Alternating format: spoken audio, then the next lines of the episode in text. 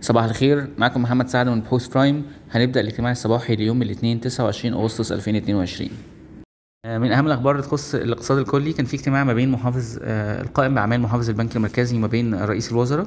آه، من أهم الأنباء اللي وردت منه إن احتمال البنك المركزي يقوم باستثناء بعض استيراد المدخلات الإنتاج أو ال raw materials من آه، يعني ال system اللي كان اتطبق من أول السنة واللي يخص الإجراءات بتاع آه، آه، الاعتمادات المستندية واللي كان خلى فيه صعوبة من ناحية المستوردين إن هم يستوردوا احتياجاتهم بشكل زي اللي كان موجود خلال السنين اللي فاتت.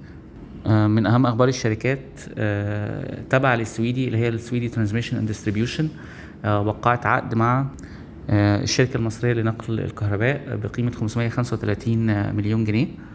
آه، برضو من أخبار الشركات إعمار مصر كانت استحوذت على حصة 25% من إيجل هيلز آه، مصر. دي شركة يعني عندها مشاريع في الساحل الشمالي والاستحواذ يجي كجزء من رغبة إعمار من المشاركة في مشاريع سياحية وسكنية وتجارية آه، موجودة هناك. آه، برضو من أخبار الشركات آه، كان العرض المقدم على أسهم دومتي حاليا عدد 32.5 مليون سهم استجاب للعرض.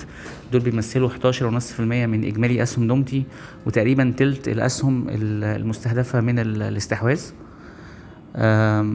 من نتائج أعمال الشركات القناة الاشتراكيات الملاحية كانت نزلت النتائج المبدئية السنوية بتاعتها للسنة المالية 2021 2022 آه، الشركة حققت آه، انخفاض في الأرباح بقيمة آه، اللي سجلت 185.5 مليون جنيه. ده انخفاض تقريبا سنوي بنسبة 7% ده برغم ارتفاع في ال revenues بنسبة 38% سنة على سنة واللي سجلت 74 مليون جنيه. آه، بنلاحظ إن الأرباح أكتر من ال revenues وبنلاحظ إن انخفاض الأرباح أصلا آه، سببه انخفاض في ال investment income أو دخل الاستثمار آه، اللي جاي عن طريق شركتين تبع القناه التوكيلات الملاحية عندها حصص فيهم.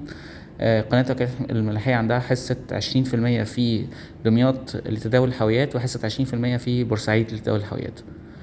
دي كانت أهم أخبارنا النهاردة. شكرا. صباح الخير.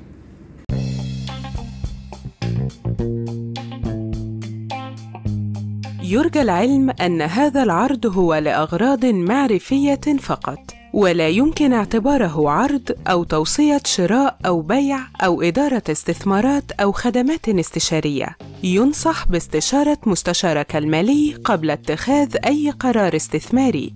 الأداء التاريخي ليس مؤشرا يعتمد عليه لتحديد الأداء في المستقبل.